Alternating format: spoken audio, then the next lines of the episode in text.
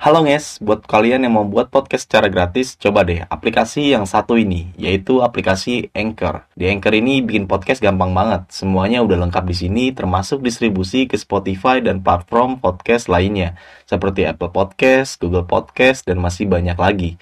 Jadi tunggu apa lagi? Download aplikasi Anchor sekarang dan buat podcast kalian semenarik mungkin segera.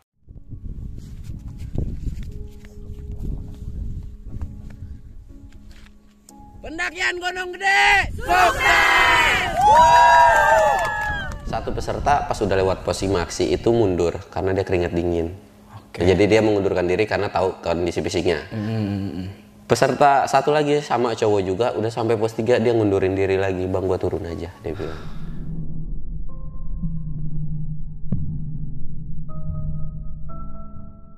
Eh, selain dari kesurupan beberapa orang ya, karena di situ tuh ada orang indigo juga. Nah, dan beberapa itu ada yang dielus. Gua ngedengar suara jalan banyak banget. Banyak peserta gua yang lihat, bang, gua ngelihat sosok putih itu ada depan tenda. Waduh. Setiap tenda itu ada kata dia.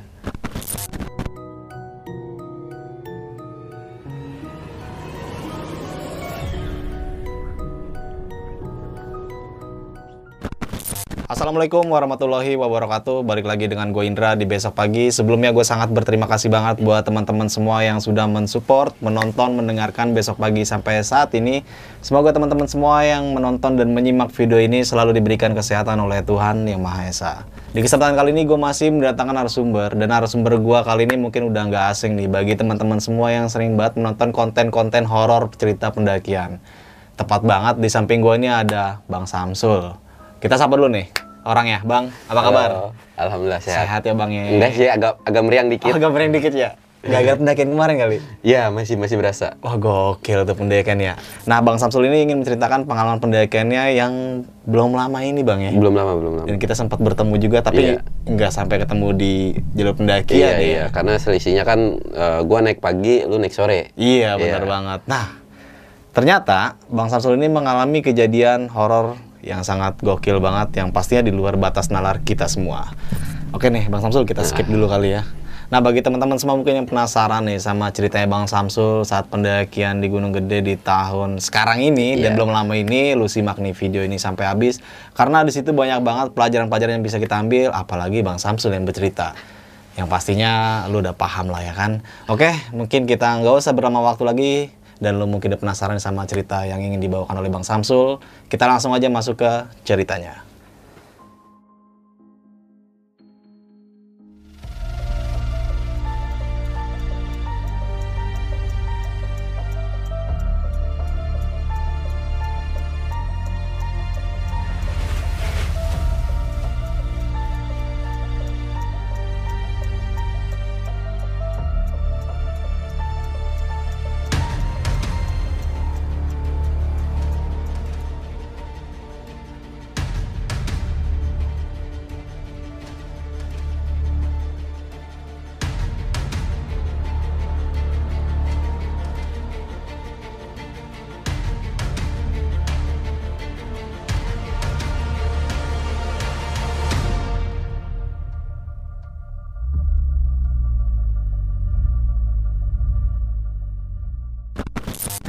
Bang Samsul, Gunung Gede kita memang sempat bertemu ya. Iya, bertemu. Dan pendakian pada saat itu kita lewat Filtri. Nah, Nah, lu bisa ceritain gak sih bang? Nah, gua kan nggak tahu nih waktu lu di atas bahkan kita nggak ketemu karena memang cuaca yang situ badai. badai nggak. Badai parah sih dari dari sore malah. Nah iya dan gua apalagi ngalamin waktu sampai malam hari. Sampai malam hari, banget. Nah lu bisa ceritain gak sih bang dari awal nih sampai akhir sampai lu kembali lagi ke sini dan menceritakan kejadian horor lu seperti apa kayak gimana? Silakan bang. Nah, jadi di awal pendakian ini kan memang gue buka open trip bang untuk ke Gunung Gede sendiri. Nah, dan ya beberapa ada orang yang pernah ikut trip gue gitu kan, mulai dari Sumbing, dari perahu gitu ada yang ikut. gue sih nggak bermasalahin karena yang ikut tuh satu orang indigo. Ada yang indigo. Cuman kalau gue pribadi, oh ini orang aman kalau gitu masih bisa kekontrol dan nggak terlalu parah, nggak terlalu barbar gitu kan. Oke nggak apa-apa gue ajak.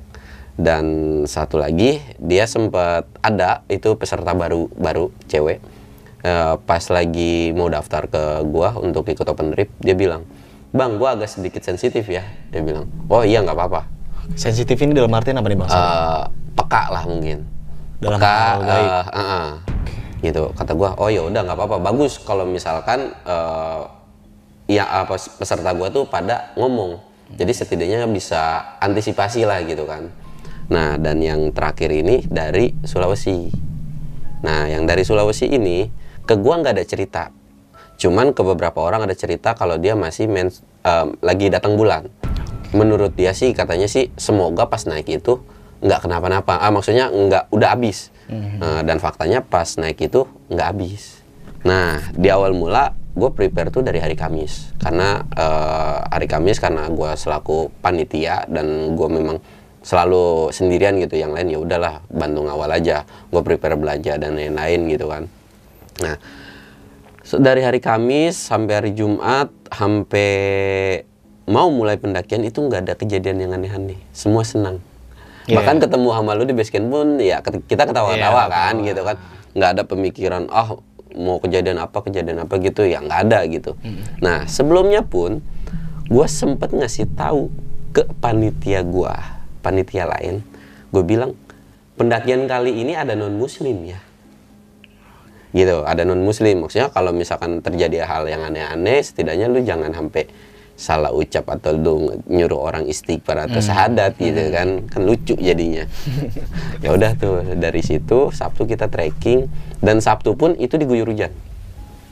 Pagi-pagi hujan jadi kita agak ngaret sedikit yang harusnya gua rencana jam 7 jadi kalau nggak salah itu sekitar jam 9 nah pas lagi trekking sampai atas itu sebenarnya nggak ada cuman kendalanya ya wajar lah mereka eh, banyak yang baru naik gunung dan udah naik gunung gede eh, penyakitnya tuh ya capek pegel Pasti. pasti kan gitu itu udah pasti sampai akhirnya kita udah sampai Surya Kencana nah Jam berapa tuh bang? Sorry.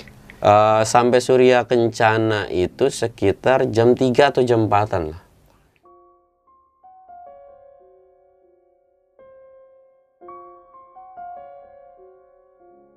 feeling gue kan di situ memang ada satu peserta gue yang memang badannya agak gendut ya.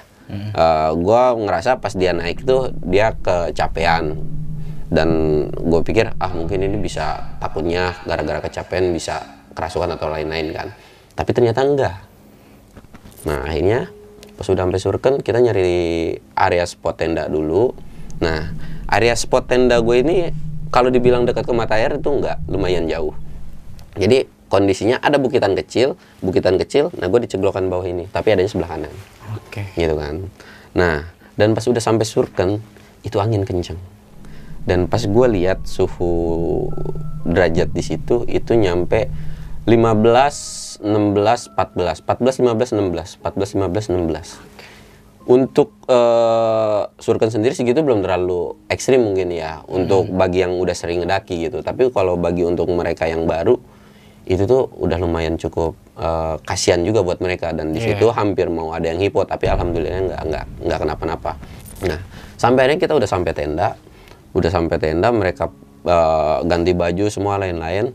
Nah yang bikin gua kesel pas udah sampai itu tuh harusnya gua ada perjanjian sama eh, porter lokal itu gue dimasakin dan ternyata itu udah nggak dimasakin dong.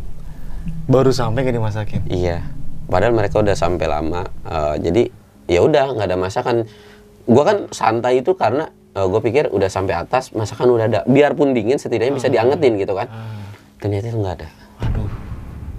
Dari situ ya udah mereka nyemil nyemil walaupun ya gua terima konsekuensinya gitu kan selaku panitia ya udah mau diapain lagi memang kendalanya kayak gitu akhirnya ya udah gue yang masak tuh walaupun diterjang badai pas masak ya akhirnya masak lah sampai jam 8 malam itu baru anak-anak baru bisa makan jam 8 sampai jam 9 malam.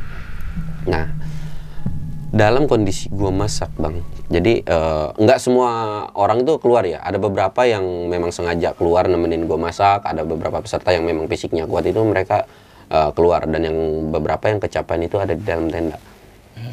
Nah yang di dalam tenda ini mereka semua eh, pendaki baru-baru semua. Jadi gua itu kalau nggak salah ada lima tenda. Tenda cewek bertiga terus tenda gua terus tenda cowok-cowok. Gue juga termasuk cowok-cowok semua ya. Terus di sininya tenda cewek di sini pasangan suami istri di depannya cowok.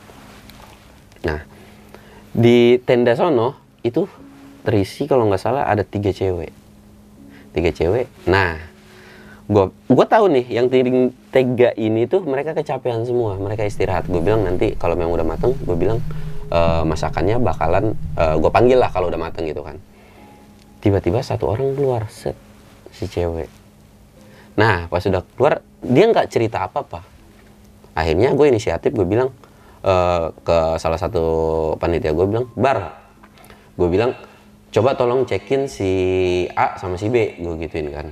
Oh iya bang siap. Masuk tuh dia ke dalam tenda.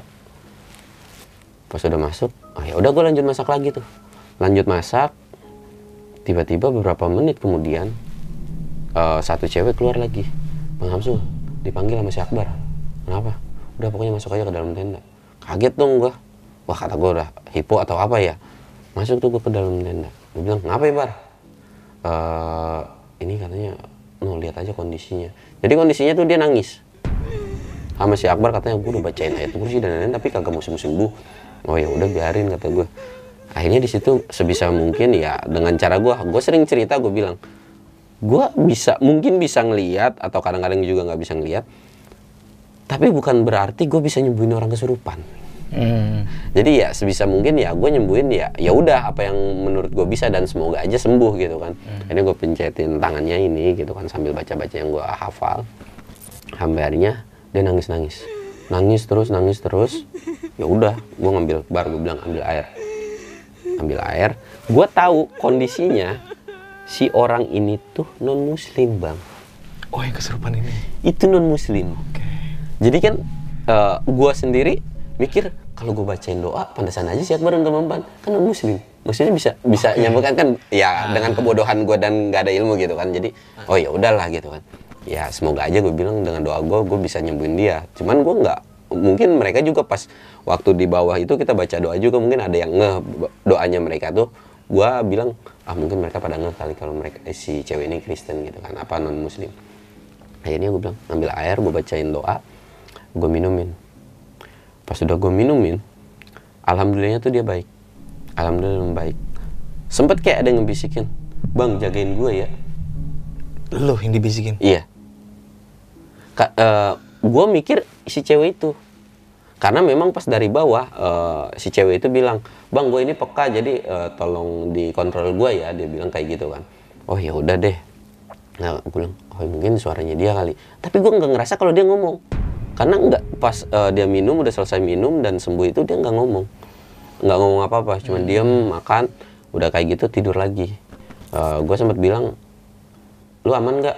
Aman bang sekarang udah nggak apa-apa kok dia bilang nggak tuh gue nggak sempet nanya dia kenapa-napa ya gue takut eh, ke yang lainnya takut juga kan. Akhirnya gue keluar lagi balik masak lagi. Balik masak semua dari situ masakan belum terlalu jadi. Semua masuk ke tenda. Tinggal gue doang masak. Masak sama beberapa orang lah masak beberapa orang. Gue ngeliat tiap sudut kok lampu tenda kayak mati? Lampu tenda yang lain tuh kayak mati. Lampu tenda kayak mati kok kuda gue kayak mati ya ah ya udah mungkin kali. Mereka pada takut kena badai karena kondisinya pada saat malam itu badai bang. Ya. badainya lumayan parah gitu kan. Mungkin mereka udah mau pada istirahat kali. Nggak mungkin juga ada yang keluar suara juga. Nggak ada suara nggak kedengeran suara apa apa gitu. Akhirnya ya udah gue kencing tuh. Gue masih masak nungguin gue kencing. Pas gue kencing itu kayak semua tenda tuh hilang. Serius. Iya. Jadi kan gue ceglokan di antara bukitan begini. Ah. Eh gue na- eh, kencing itu agak naik dikit, melipir ke kanan, agak masuk ke dalam pohon-pohon kan. Dan pas gue kayak nengok kayak gini, setahu gue di seberang ada tenda. Walaupun entah karena efek kabut atau gimana, tapi harusnya kelihatan. Hmm. Harusnya kelihatan karena pas gue masak itu kelihatan warna tendanya. Kalau misalkan warna tenda gelap mungkin nggak kelihatan, tapi kalau warna tenda hijau eh, stabilo kan itu harusnya kelihatan gitu kan siluet-siluetnya. Itu gue nggak kelihatan. Lah kata gue nggak kelihatan. Ah ya udah mungkin mata gue udah udah udah capek, udah eh, lelah kali gitu kan. Ya udahlah, gue balik kencing lagi. Tiba-tiba gue udah mau berangkat lagi ke ini, ada suara dari belakang. Kayak gitu. Gue nggak berani nengok. Udahlah, bodo amat gue bilang. Jalan lagi udah jalan gue nyelesain masakan Nyelesain masakan, alhamdulillah masakan walaupun ya dibilang telat lah, tapi setidaknya mereka makan. Iyalah. Setidaknya mereka makan. Akhirnya udah makan gua. Itu pun selesai masak gua agak beres-beres. Karena udah dingin banget, Bang. Iya di jam berapa itu? Buset, itu hampir jam 9 lah, jam 9, jam 9 lah. Gue masak sendirian. Kalau pas di awal itu memang rame, agak rame. Agak rame, jadi agak ketutup-tutup. Kalau semakin banyak orang kan ya ada lah hangat-hangatnya dikit. Ini udah mereka udah nggak ada gitu kan. Dan kebenaran pada saat itu gue masang flysheet juga di luar untuk ke dapur gitu kan. Cuman ya karena kondisinya angin ya udah flysheetnya juga terbang-terbangan. Nah pas sudah semua dibagiin makanan, ya beberapa ada yang di luar. Gue masuk lah, gue bilang ah yang penting anak-anak udah makan, air juga masih aman. Ya udah gue ngerbahin. Gue ngerbahin tuh tidur. Tiba-tiba dari atas bilang, Bang, bang, tapi bukan manggil gue. Satu panitia lagi bang, bang Dedi, bang Dedi, kenapa? Ini yang orang Sulawesi katanya eh, dia apa panas gitu kan, panas terus badannya kayak menggigil gitu. Oh iya gue bilang, Dit, dit, udah dit, sono dit, sono dit, tanganin dit, gue bilang. Kalau misalkan memang kenapa-napa nanti panggil gue aja, teriak aja gitu kan.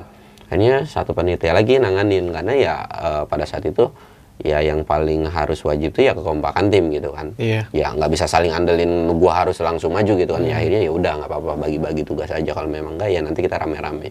Ya si Dedi masuk sono. Eh, mungkin ditangani sama Dedi pertolongan pertama ya kayak ngasih apa aluminium foil dan lain-lain gitu kan. Dari situ gue nggak tahu ceritanya tuh. Jadi pas udah kayak gitu ya udah ternyata si Dedi disuruh buat nemenin tiga cewek yang di atas itu. Jadi kalau yang kesurupan di awal itu di bawah gua bang. Nah sedangkan yang kedua ini yang orang Sulawesi itu kehalangan satu tenda cowok dan baru tenda dia gitu kan. Nah pas udah sampai di situ ya udah mungkin Dedi di sono lama. Ya udahlah toh orangnya juga nggak teriak-teriak gitu kan. Kalau misalnya kenapa-napa pun pasti bakalan teriak. Akhirnya ya udah gue tidur tuh. Coba menjemin mata. Cuman kondisi gue ya karena gue selaku panitia dan keadaannya badai tidur gue tidur ayam bang. Iya. gue takutnya kenapa-napa. Gue tidur.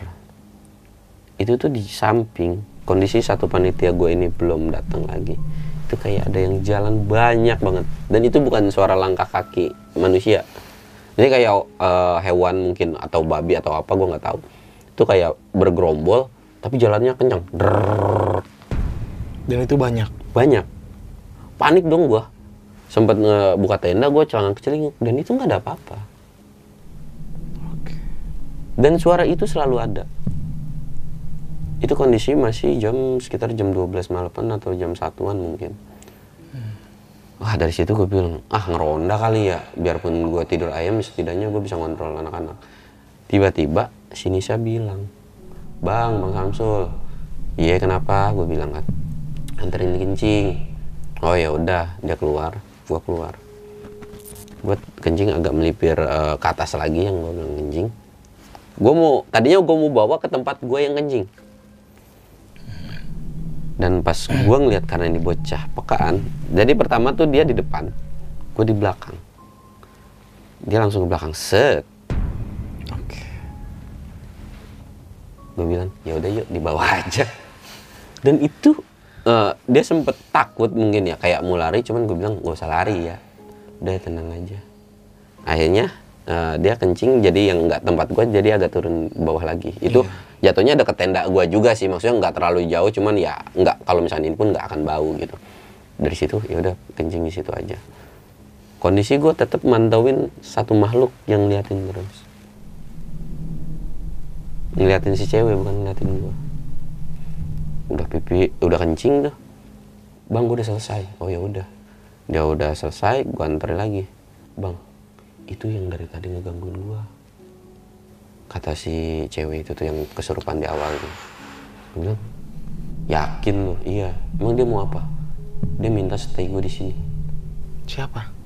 si makhluk itu. Gila. minta stay di sini. Gue bilang udah lah ya gue usah stay stay stay stay. Gue bilang udah ayo masuk. Masuk tuh ke dalam tenda lagi. Gue bilang deh lu aman gak bakalan kenapa-napa? Percaya sama gue sampai pagi lu tidur nyenyak. Ya, walaupun kondisinya mungkin dingin doang gue bilang. Udah lu gak akan kenapa-napa. Akhirnya ya udah tuh kondisi satu panitia ini eh, belum ada eh, ke tenda balik ke tenda gue lagi. Oh mungkin ketiduran di tenda cewek. Bilang oh ya udah nggak apa-apa lah. Gue tidur lagi dong. Gue tidur itu kayaknya tidur deh. Jadi pas gue eh, jadi kondisinya gue di tengah sama si panitia yang di atas itu juga di tengah kiri kanannya ada jadi si space ini tuh kosong harusnya kan. Gue tidur begini bang. Pas gue ngebalik ke dia kayak begini set gue kayak ngerangkul orang. Gue kayak ngerangkul orang gue kira itu eh, temen gue yang paling pojok mepet ke sini karena kan pojok pasti dingin lah ya apalagi dia kondisinya deket pintu. Pas gue liat tapi nggak ada kayak berasa udah gini pas gue melek kayak di bener nggak dinyata gitu tiba-tiba pes gitu akhirnya ah gue bilang udahlah gue eh, merem-merem ayam lagi kan gitu. Gue nyetelin yasin lah. Karena di handphone gue itu ada yasin. Gue merasa kalau surat yasin yang ada di handphone gue itu itu gue putar satu lagu untuk terus. Hmm. untuk terus ya. Dan nggak tahu kenapa. Jadi di paling urutan MP3 gue terakhir itu ada satu lagu kayak gamelan dan itu ada suara. Itu tuh kayak kalau buat gue pribadi kalau naik sama uh, teman-teman pribadi kayak ya udah buat jailan doang gitu kan. Tiba-tiba di sebelah gue bilang itu apaan sih? Dia bilang kok ada suara ketawa. Pas gue anjir kata gue itu HP gue dan itu semua ke trigger dan semua katanya ngedenger suara gamelan dan bukan suara yang ada di handphone gue gue gue matiin dong. Set gue matiin. Suaranya masih ada bang harusnya kondisi badai itu nggak kedengeran suara apa pun cuman angin aja wush gitu kan ini kedengeran kayak dipisahin sendiri suara itu Hmm. Nah, pas udah dari situ, tiba-tiba si panitia gue udah datang lagi. Set. Pas udah ini dia tidur, gue bilang aman, aman bang. Nah, pas udah aman kayak gitu, ya udahlah. Gue eh, eh, karena memang udah kondisi aman, mungkin kondisinya pada saat itu yang paling fatalnya ya dingin gitu kan. Wanti-wanti kuping gue aja. Cuman surat yasin eh, gua terus gue puter bang, karena feeling gue memang udah jelek banget pada saat itu kan. Terus gue puter, gue puter sampai akhirnya pagi tiba. Sebelum pagi lah mau menjelang subuh, gue pengen kencing, gue kencing. Kencing ke tempat asal yang di awal lagi. Bukan karena gue nantangin ya, walaupun gue tahu di malamnya itu ada sosok di situ. Ya udah kencing aja, bodo amat lah gue bilang. Selama dia ngeganggunya gue, gue nggak jadi permasalahin bang. Yang penting jangan orang lain. Iya. akhirnya pas gua kencing nah pas gua kencing itu gua ngeliat set balik lagi ke tenda. Dan itu kayak berdiri di salah satu tenda yang gue bilang orangnya sensitif kan. Itu ada bang. Jadi ini tenda di belakang tendanya itu ada yang berdiri. Gua gak tahu apaan kan. Kebenaran di situ kayak ada kayu lah sebongkah segini mungkin. Eh gue bagel sama gua langsung hilang. Kalau orang mungkin ya nggak tahu dah gitu kan bisa bisa eh, kenapa-napa. Cuman gue mikir itu bukan orang dah. Gue lempar aja ber. Langsung hilang. Dalam hati gue udah jangan macam-macamin apa peserta gue gue bilang. Jangan apa-apain bentar lagi pagi gue bilang. Gue pengen turun selamat. Udah tuh gue tidur lagi. Dan alhamdulillahnya paginya aman. Nggak ada gangguan sama sekali. Nah, dari pagi itu banyak yang eh, bilang eh, si terutama tenda atas.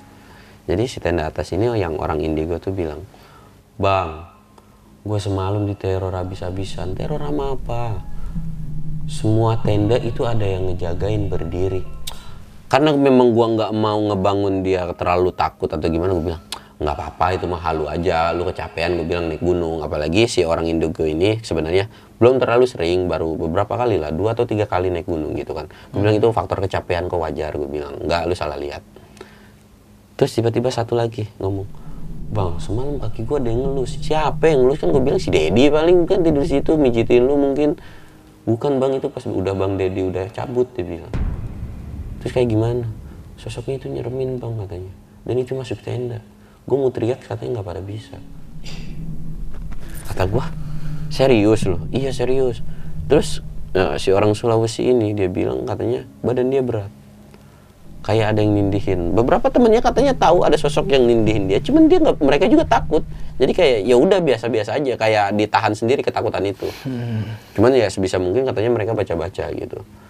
Dan makanya kenapa mereka semalaman itu katanya tenda mereka tuh nggak terlalu nyenyak tidur. karena diteror terus mulai dari jalan nah kalau untuk yang jalan itu semua dengar semua Yang jalan rame-rame itu ya. Iya, itu semua dengar. Bahkan ada beberapa tenda juga katanya ada yang diginiin.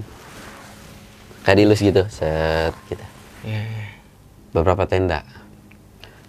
Dan eh, terakhir tuh yang si an, eh, si cewek yang kesurupan gua tanganin di awal ini, gua mikir kayaknya aman deh.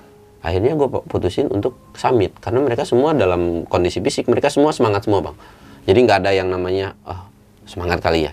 Karena kondisi gue bos semangka gede banget kan. Gue bilang ayo kalau udah sampai puncak nanti gue bongkar semangka. Akhirnya ya udah kita naik ke puncak dan alhamdulillah 20 orang semua sampai ke puncak gede.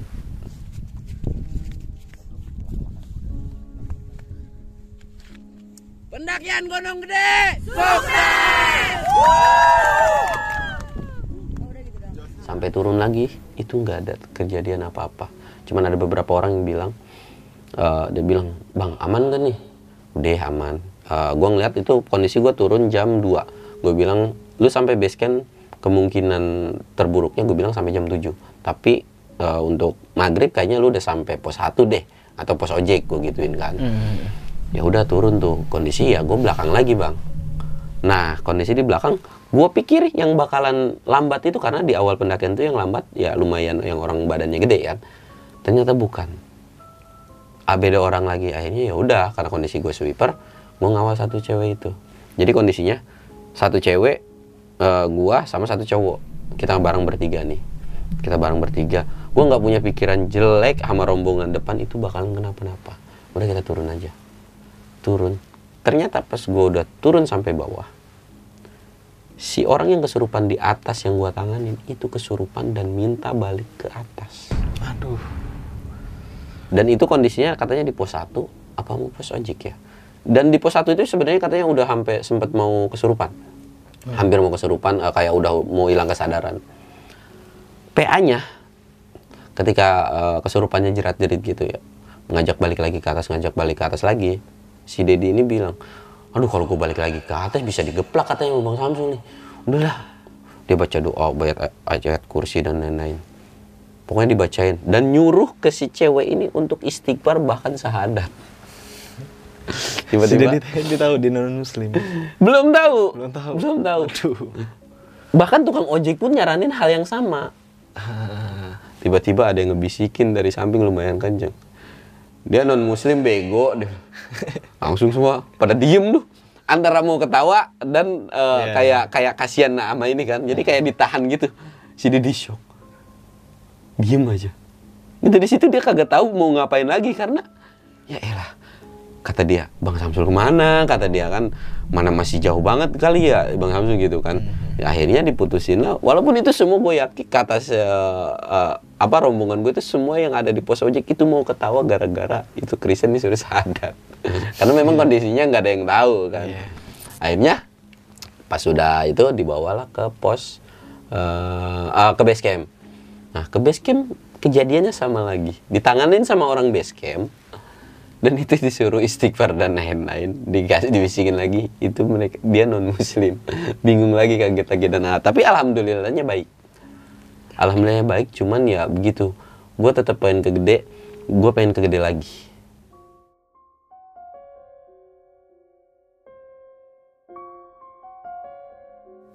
Gue bilang udah ya jangan ke gede dulu dah untuk sekarang-sekarang gitu kan. Dan yang paling terakhir tuh si anak indigo ini bang kok gue merasa berat ya. Jadi eh, si kondisinya si satu orang ini tuh kalau nggak salah dia punya anak. Orang Tangerang kan jadi dia pas masuk bang di kamar gua gua kayak ngeliat sosok yang ada di gede. Sampai rumah ngikutin. sampai rumah ngikut ah gue bilang halu kali lu. Bener bang. Nah kenapa gue bisa percaya sama nih orang? Karena kejadiannya dia pas waktu sumbing dia ikut Oke. dan dia juga ngalamin hal, yang serupa dia nangis nangis ke gue nangis kejar gara-gara ngeliat satu sosok itu pas di mobil lagi. Jadi aku bilang akhirnya gue kasih saran lah. Nah, harus gini gini gini gini gitu lah. Nggak perlu tahu lah sarannya apa yang pasti ya ini gue kasih saran setahu gue semoga itu bisa bermanfaat gue bilang dan bisa ngatasin hal yang kayak gitu. Eh, sampai akhirnya ya sekarang nggak ada kabar apa pun lagi gitu. Udah sih gitu doang. Oke. Gunung Gede, Via Putri. Iya. Kita Iya. sempat bertemu ya. Iya. Dan itu gokil banget menurut gua. Heeh. Karena gua nggak menyangka ya, lu bisa mengalami kejadian horor Sul. Nah, yang paling PA-nya gini. Eh, itu kan eh, jatuhnya open trip. Iya. Mereka bersyukur mendapatkan horor. Bersyukur. Bersyukur. Senang gitu berarti. Endingnya tuh bersyukur. Aduh, maksudnya apa itu? Kagak tahu. Oh iya bener. Ternyata naik sama lu mah ada horornya. Gue bilang, Aduh. lu enak. Gue bilang gue tanggung jawab. ya walaupun gue harus ngorbanin ya seharusnya ya ya balik lagi kan kalau misalkan bawa orang tuh gue nggak bisa ambil nge- ngevlog kan ya biarpun gue baru gitu kan rencana kan tiap naik gunung ah mumpung gue bawa open trip atau gue bawa tamu gitu kan Kalau gue bisa ambil ngevlog, iya, gitu kan bisa- lumayan Ya buat dokumentasi lah Iya ya. gitu. Dan itu nggak bisa. Dan mereka endingnya, yang satu orang nih yang tenda depan yang cewek kesurupan ini, iya bang, nih kamu lu kenapa ada horornya ya? Dia bilang, lah mana gue tahu gue bilang, gue mau biasa-biasa aja. Ya walaupun gue bilang naik gunung gede sekalipun gue ngeliat ya udah hal yang biasa selama nggak ganggu yang parah-parah banget, ya udahlah biarin aja gitu. Cuman ya dalam hati gue pun pas waktu si cewek ini kesurupan, lu jangan ganggu yang lain dah, ganggu gue aja udah. Tapi Gitu. pada intinya mereka semua yang mengalami kejadian horor di trip lu pada saat itu pada seneng ya. Iya. Dan anehnya mereka semua, bang nanti trip lagi ya. gue kan, cuman ya balik lagi. Tergantung gue ngeliat situasi orangnya. Iya, Kalau iya. yang rese banget sampai kesurupan dan lain-lain, eh, maksudnya eh, resenya tuh dalam arti parah banget lah gitu. Nah, Eh, sampai misalkan nggak minimal nggak bisa mau diomongin, nggak nurut diomongin. Kalau gue suruh A dia nggak nurut, ya gue nggak bisa bawa karena naik gunung itu kalau bawa orang ya taruhannya nyawa lu pribadi gitu kan. pasti. Ya apalagi mulai nggak usah masalah hal demitnya deh. Kalau lu di pendakian lu susah makan, jujur siapa pun kalau orang yang udah tahu pasti bakal dongkol banget. Mm-mm. Karena naik gunung tuh lu perut harus wajib keisi, biar kata cemilan lu harus keisi. Tapi kalau lu susah makan, resikonya eh, buat lu sendiri dan malah nanti ngerembet ke orang lain. Iya. Dan merugikan orang lain gitu kan. Oke, Bang Samsul. Mungkin di cerita pengalaman pendakian Gunung Gede lu kali ini kita bahas lebih lengkap dan detail di sesi tanya jawab.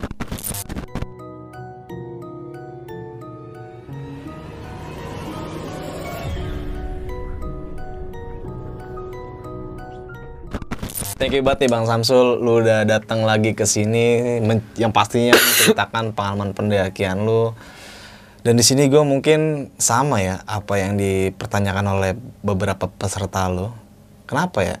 eh, lu selalu mengalami kejadian horor. Bahkan yang belum lama ini lu mengalami yang gue juga nggak nyangka. Iya. Padahal di pendakian saat itu kan ada gue juga, walaupun Iya. kita nggak ketemu Iya, ya. iya.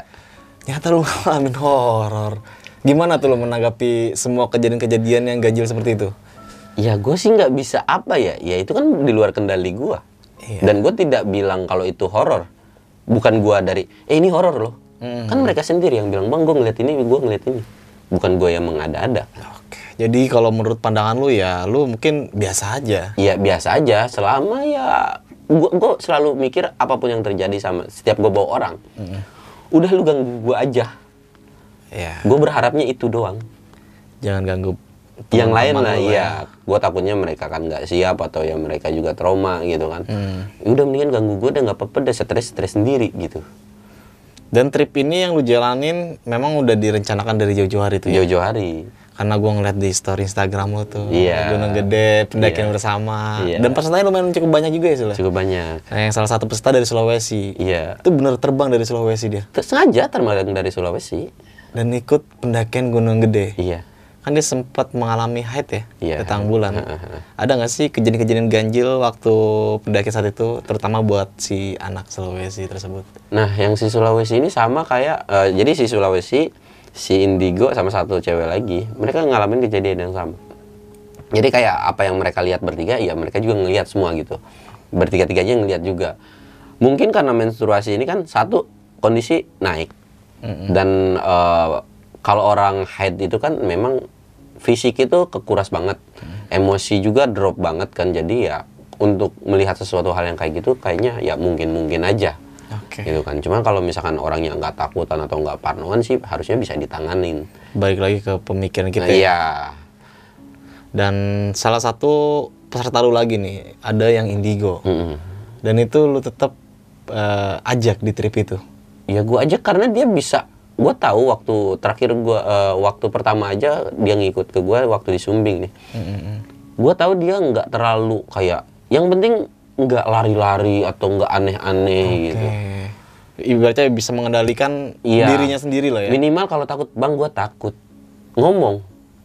Minimal ngomong ke satu orang ya, bukan berarti gue berani ya. Hmm. Minimal ngomong ke gue bang gue takut gini-gini. Bahkan waktu di Sumbing itu dia kencing aja gue yang nemenin. Mereka dia mau kencing itu harus nunggu gue dulu, baru berani kencing. Padahal banyak. Eh mau kencing mau buang air besar, Oke.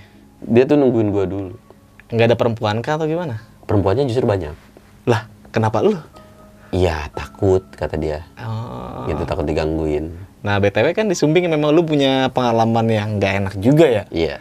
Dan itu tersebar luas di kancah pendakian yang lingkup-lingkup kita nih ya Iya, kan. iya. Dan gua tahu tuh kabar itu. Iya. Tapi ya mungkin nanti lu bawakan buat teman-teman semua kali Sul ya. Iya nantilah, nantilah. Nunggu-nunggu. Kalau itu kan terlalu wah gitu, maksudnya kan itu. eh, terlalu sensitif dan eh, nyangkut. Ma- masalahnya kalau yang itu kan sempat dievakuasi juga. Nah iya sampai dievakuasi kayak gitu tuh Iya. pengalaman pertama lu atau mungkin lu udah pernah mengalami Eh, kayak gitu? beberapa kali sih udah pernah gitu kan. Ya cuman kan gue balik lagi. Ya gue bilang kalau perkara lu capek pegel-pegel itu udah udah hal wajar gitu kan. Hmm. Cuman kalau dalam hal kesurupan gue cerita di mana pun kayaknya gue tidak pernah bilang kalau gue bisa bilang mengobati orang kesurupan. Iya. Iya kan? Ya maksud gua sebisa mungkin kalau memang eh, doa gua dikabul dan bisa keluar ya alhamdulillah. Kalau enggak ya mau diapain lagi gitu kan. Gitu sih. Ya yang penting bisa diatasin aja dan nggak gua tinggalin dan gua tanggung jawab. Oke. Nah di pendakian pada saat itu juga lu mengalami situasi kondisi cuaca yang tidak bersahabat ya. Iya. Itu kejadian emang angin gede banget tuh Sul. Buset, tenda Parah banyak yang itu. hancur pagi-pagi gua Iya. ngeliat. Dan itu gue alamin malam-malam. Tenda pada terbang-terbangan tuh. Pada evakuasi tenda masing-masing. Iya. Wah gokil tuh gunung gede pada saat itu. Kalau nggak salah suhunya tuh nyampe 12. Aduh gue nggak merhatiin. Kalau dingin sih ya dingin lah. Tapi gue nggak kuat sama anginnya, Anginnya itu. iya. Nggak kebayang kalau badan kita sendiri aja sampai terbawa angin itu. Iya. Weh, berarti kan gede banget anginnya ya kan? Iya. Dan gue sempet ke Surken Barat di jam satu malam dan itu gila banget menurut gue dan sampai ada beberapa teman gue yang udah nggak pede akhirnya oh, udah pukul mundur aja ke Surken Timur lagi. Ya udahlah emang gue juga nggak pede sebenarnya. Wah ini gila nih gue kalau diculik makhluk gaib udah kelar gue Iya, karena kondisi kan malam itu juga lumayan turun kabut juga. kan. kabutnya tebal banget. Kabutnya bahkan gue di sana jalan bergandengan begini sul. Hmm, hmm. karena menghindari kalau misalkan kita terbawa angin atau ah situasi-situasi yang tidak mengenakan ya kita bisa tahu. Iya, lucu ya kalau kebawa angin ya. baru, baru, denger sih gua ada orang kebawa angin gitu. Tapi memang kenceng sih. kencang banget. Dan Iya. video gue ada di situ di video gue kan gue sempat bikin vlog juga. Tapi balik lagi nih sul di pendakian lu di Gunung Gede via Putri. Nah di beberapa peserta lu memang mengalami kejadian yang ganjil nih. Salah satunya eh, sempat melihat beberapa makhluk. Nah yang gue penasaran di cerita lu ini lu sempat menceritakan tadi eh, kalau lu melihat salah satu makhluk yang merhatikan lu. Hmm. dan itu dilihat oleh si peserta lu juga ya. Hmm, hmm. nah itu makhluknya kayak gimana? Nah, kalau untuk yang satu makhluk ini untuk yang merhatiin, eh, merhatiin yang kesurupan ini, gue nggak terlalu begitu jelas sih karena kondisinya tuh ya campur kabut kan. Cuman yang pasti kayak rambutnya tuh acak-acakan, rambutnya acak-acakan. oke. Sempat keselebatan kayak kena helm kan pas nganterin kencing tuh dan matanya tuh kayak agak mau keluar gitu. Kayak melotot tapi mau keluar gitu. Bola matanya? Iya. Aduh. Ya kalau buat gue pribadi ya udah biarin aja selama nggak ngapa-ngapain mah gitu cuman kan gue eh, takutnya yang ini. Yang satu yang ini. iya gitu kan. Takutnya eh, dia baru ngeliat yang kayak begitu mungkin atau sebelumnya belum pernah ngeliat yang lebih parah dari itu. Ya nggak ada yang tahu juga gitu kan. Ya udah. Tapi dia ganggu lu atau iseng atau gimana gitu kayaknya seneng sih sama si cewek itu. Makanya dia disuruh tinggal di situ. Ah, ah. oke maksud dari si makhluk itu menyuruh si cewek buat tinggal di situ apa tuh? Mau dijadikan apa gitu? Ya nggak tahu juga, mungkin budak atau apa gitu. ya gue sekarang sampai sekarang sih masih penasaran ya kenapa beberapa makhluk gaib itu dia eh, ada yang menginginkan manusia ya kan? Nah, nah maksudnya untuk apa ya kan? Mm, mm, Nah, sampai sekarang nggak tahu nih mungkin teman-teman yang mempunyai ilmu yang lebih tinggi ya Iya. Bisa dikomen lah ya kan. Ya, kalau komen komentar ini kenapa sih makhluk gaib itu selalu menginginkan manusia ya ada kan? beberapa yang menginginkan manusia. Iya gitu. kan, Iya. bahkan ada bercerita yang dengar jadi budak lah, Nah. ada yang jadi raja lah, ya entah simpang siur lah. Oke nih Bang Samsul, kita balik lagi nih ke pendakian lu nih. Ini pendakian lu yang berapa kali sih ke Gunung Gede? nggak tahu ngitungin. Ya ngitungin. baring ya nggak banyak lah kalau kita mah. Nggak perlu dihitungin juga naik gunung udah 100 kali ke gunung gede memang ada piagamnya juga. Nggak Berapa bakal- kali bawa peserta lu ke Gunung Gede nih? Hah? Udah berapa kali bawa peserta ke Gunung Gede? Bulan waktu itu dua kali. Dua kali. Eh pas pokoknya sebulan tuh kayak sekali lah ke gunung gede itu pasti ada. Dan yang paling banyak ini pesertanya atau sebelumnya ada yang pernah? Ah, sempat sih ada 30 lebih. Dan ini yang 30 itu mengalami kejadian juga.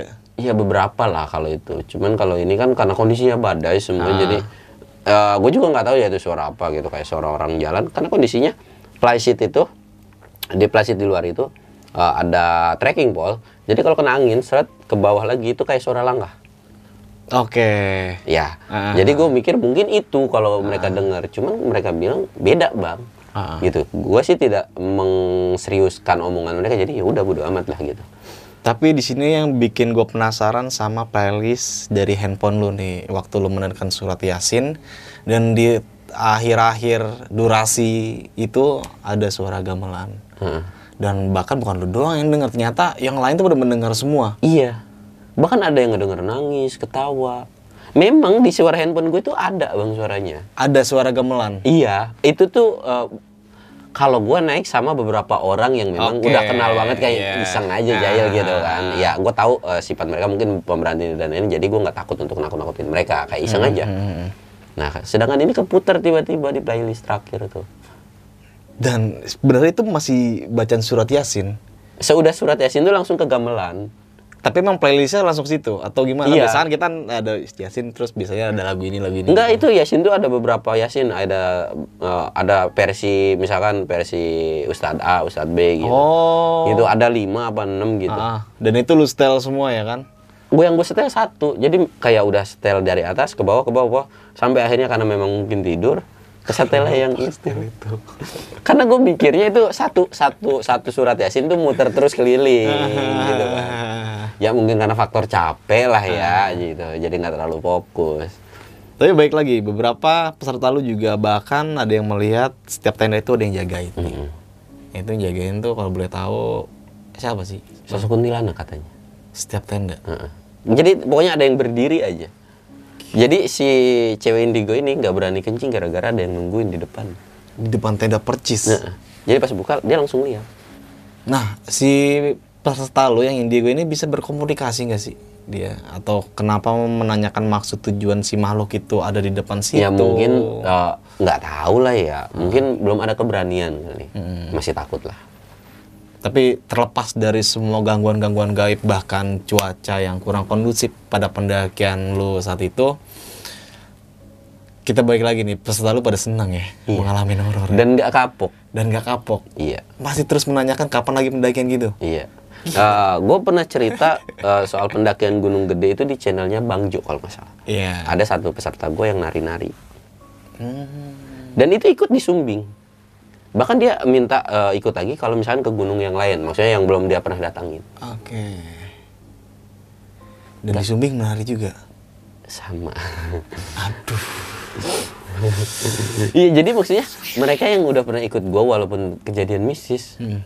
ya mereka ya bukan bukan apa ya maksudnya bukan gua merasa wah gitu. Enggak, maksudnya gua juga saat ini sih gue milih-milih lagi kalau mereka yang udah ikut sama gua yang memang parah banget nggak gua ajak lagi sih. Iya, kalau gua sih cara pemikiran gua sul ya, karena jadi PR juga bagi gua pribadi kalau Iya. gua jadi lu ya. Iya, PR banget itu. Karena kita harus bawa orang yang yang kita nggak tahu orang itu kayak gimana. Iya, ya kan? mungkin kalau baru awal pemu- eh, awal banget ngikut gua gitu tiba-tiba kayak gitu, ya udah nggak apa-apa. Dan gua selalu bilang apa pun misalkan lu punya riwayat asma, lu punya alergi, gua selalu minta tolong ke semua eh, yang ikut naik sama gua. Kasih tahu gua. Mhm. Setidaknya gua bisa antisipasi. Iya. Dan waktu sumbing itu si orang nggak bilang. Aduh, kesalahan fatal ya. Tapi sebelum mulai pemberangkatan emang ada kayak informasi terlebih dahulu dari lu kalau mungkin peserta yang mau ikut punya riwayat apa pun penyakit? Itu wajib. Oh, lu pertanyakan itu Iya, ya sebelum terserah lu bilang, "Bang, gue indigo, Bang, gue sensitifan." Bodoh amat, yang penting lu bilang gitu. Oke, jadi bagi lu sendiri bisa mengantisipasi itu semua. Iya, maksud gua ya mungkin itu pendakian pertama lu gitu kan. Gue juga nggak mau yang ya udah setiap orang berhak menaiki gunung kalau memang dia baru gitu kan. Dan setidaknya kalau lu cerita kayak gitu bukan karena gua so jagoan, ya udah gua bisa antisipasi lah minimal. Oh, lu sensitif, setidaknya gue bisa nyuruh satu orang, tolong deketin nih orang, suruh ajak ngobrol terus biar nggak ngelamun. Mm. Kalau misalnya tiba-tiba kedinginan, lu suruh makan, lu ingetin buat makan dan lain-lain gitu lah. Kan semuanya bisa diantisipasi, Iya. gitu kan. Tapi yang di Sumbing ini dia nggak bilang tuh. Nggak bilang. Akhirnya terjadi ya. Terjadi. Aduh. Nah, peserta lu kan ada yang eh, kesurupan sampai bawah pun masih kesurupan. Bahkan setelah sadar dia masih mau balik lagi ke surken. Mm-mm. Lu tanyain nggak itu kenapa gitu atau dia melihat sosok apa gitu. Dia merasa kayak ada yang ngikutin. Jadi kondisi kita udah bubaran tenda nih. Semua udah jalan ke depan, itu kondisi gue paling belakang banget dan gue nggak tahu itu sosok eh, rombongan yang depan tuh pas belokan mau turun dari surkan aja gue nggak tahu mereka beloknya kapan gitu. Hmm. Jadi gue nggak bisa merhatiin ada yang ngikutin atau enggak gitu. Cuman pengakuannya ada yang ngikutin.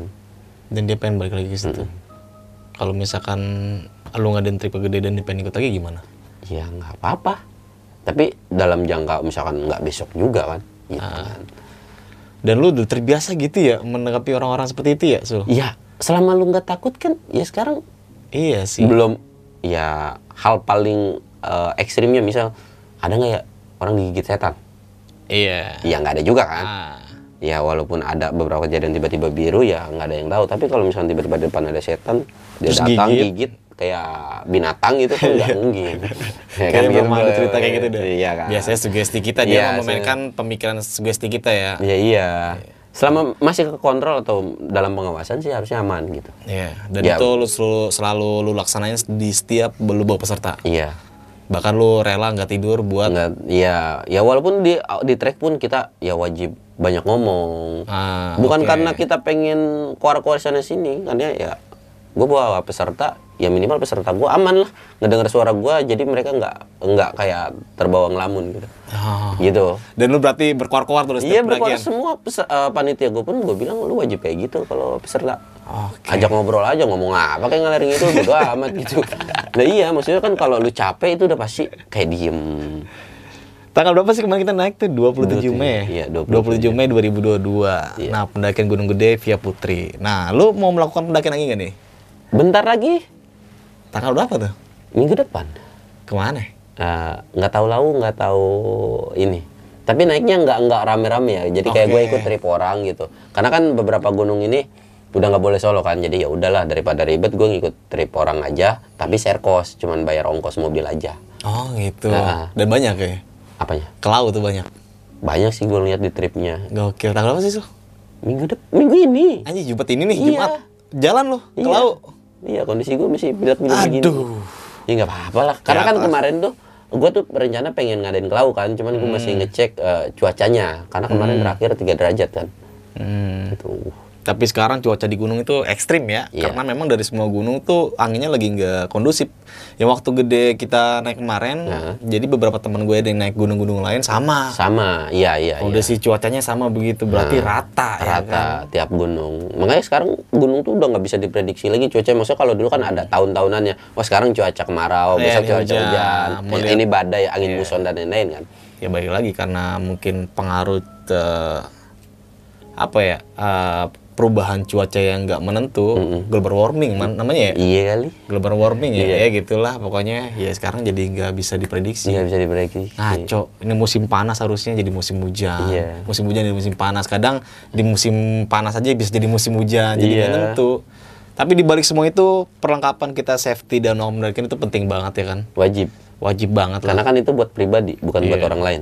Mentang-mentang lo musim panas, lu nggak bawa jas hujan nih. Iya. Baik lagi ya kan di, ah di gunung kan cuaca nggak bisa diprediksi. Apalagi di kondisi cuaca sekarang yang nggak bisa prediksi sama sekali. Sebenarnya nih gue nggak tahu ya. Cuman kalau buat gue pribadi, jas hujan itu biar kata nggak hujan. Kalau angin kondisinya angin kencang, lu pakai jas hujan itu sebenarnya bisa nolong lu dari angin. Benar. Iya. Lebih anget daripada pakai jaket. Iya, dan gue selalu melakukan itu. Iya. Ketika gue kedinginan, gue jaket gue double lagi jas hujan nih. Iya, itu jas hujan itu sebenarnya nolong. Iya, iya. Daripada lu pakai jaket kan kalau eh, plastik kan eh, Hmm. dia bahannya tuh kayak nggak ada celah kan, nggak ada pori-porinya. Jadi ya udah nabraknya lewat ini aja. Ya pokoknya lo harus safety melakukan pendakian ke mana pun lu itu, gunung-gunung mana pun itu Iya. ya lo harus safety. Apalagi lu naik jangan sampai sama orang yang tidak berpengalaman ya.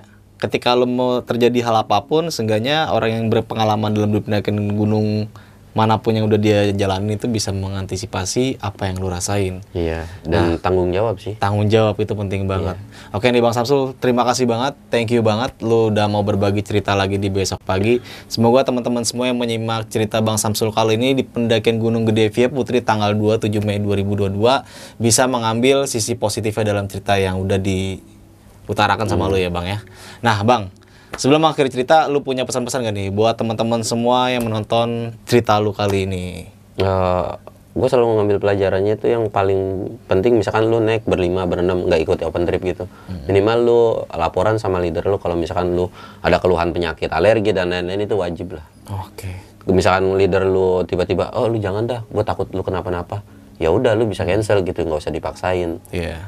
Baik lagi ke diri Nah, kita ya. ah, karena ya kalau misalkan tiba-tiba lu dipaksain dan leader lu nggak mau tanggung jawab kan lu sendiri yang repot Iya benar. mulai dari perlengkapan pribadi aja kalau nggak safety semua orang safety lu nggak safety Merepotkan yang lain. lah iya kan gitu ya minimal perlengkapan lu pun ya harus safety buat pribadi lu sendiri lah Ah, Oke, karena kita mendaki gunung itu bukan kayak kita bermain ke taman kanak-kanak ya. iya beda kayak ke pantai juga Iya, dan beda. Kita mendaki gunung itu ya kita mempertaruhkan nyawa kita. Iya, kalau di pantai eh, mungkin ya paling ininya ombak gede. Kalau di gunung ada pohon tumbang, ada hujan, ada badai, ada panas, ada babi, ada macan, Iya, banyak kan? banyak. Banyak banget kan gitu. Ya udah kayak gitulah. Banyak Oke. lah problemnya. Thank you banget Bang Samsul. Sekali lagi gue mau ngucapin terima kasih banget buat lo. Semoga di trip-trip lo berikutnya atau lo mau melakukan pendakian-pendakian gunung yang mau deket-deket ini nih, Nah. lo selalu diberikan keselamatan, Amin. kesuksesan dan kebahagiaan bagi lo Amin. dan berserta keluarga di rumah ya. Iya. Amin. Oke, saksikan video-video berikutnya dari besok pagi dari gua Indra. Mungkin kurang lebihnya mohon maaf. Wassalamualaikum warahmatullahi wabarakatuh.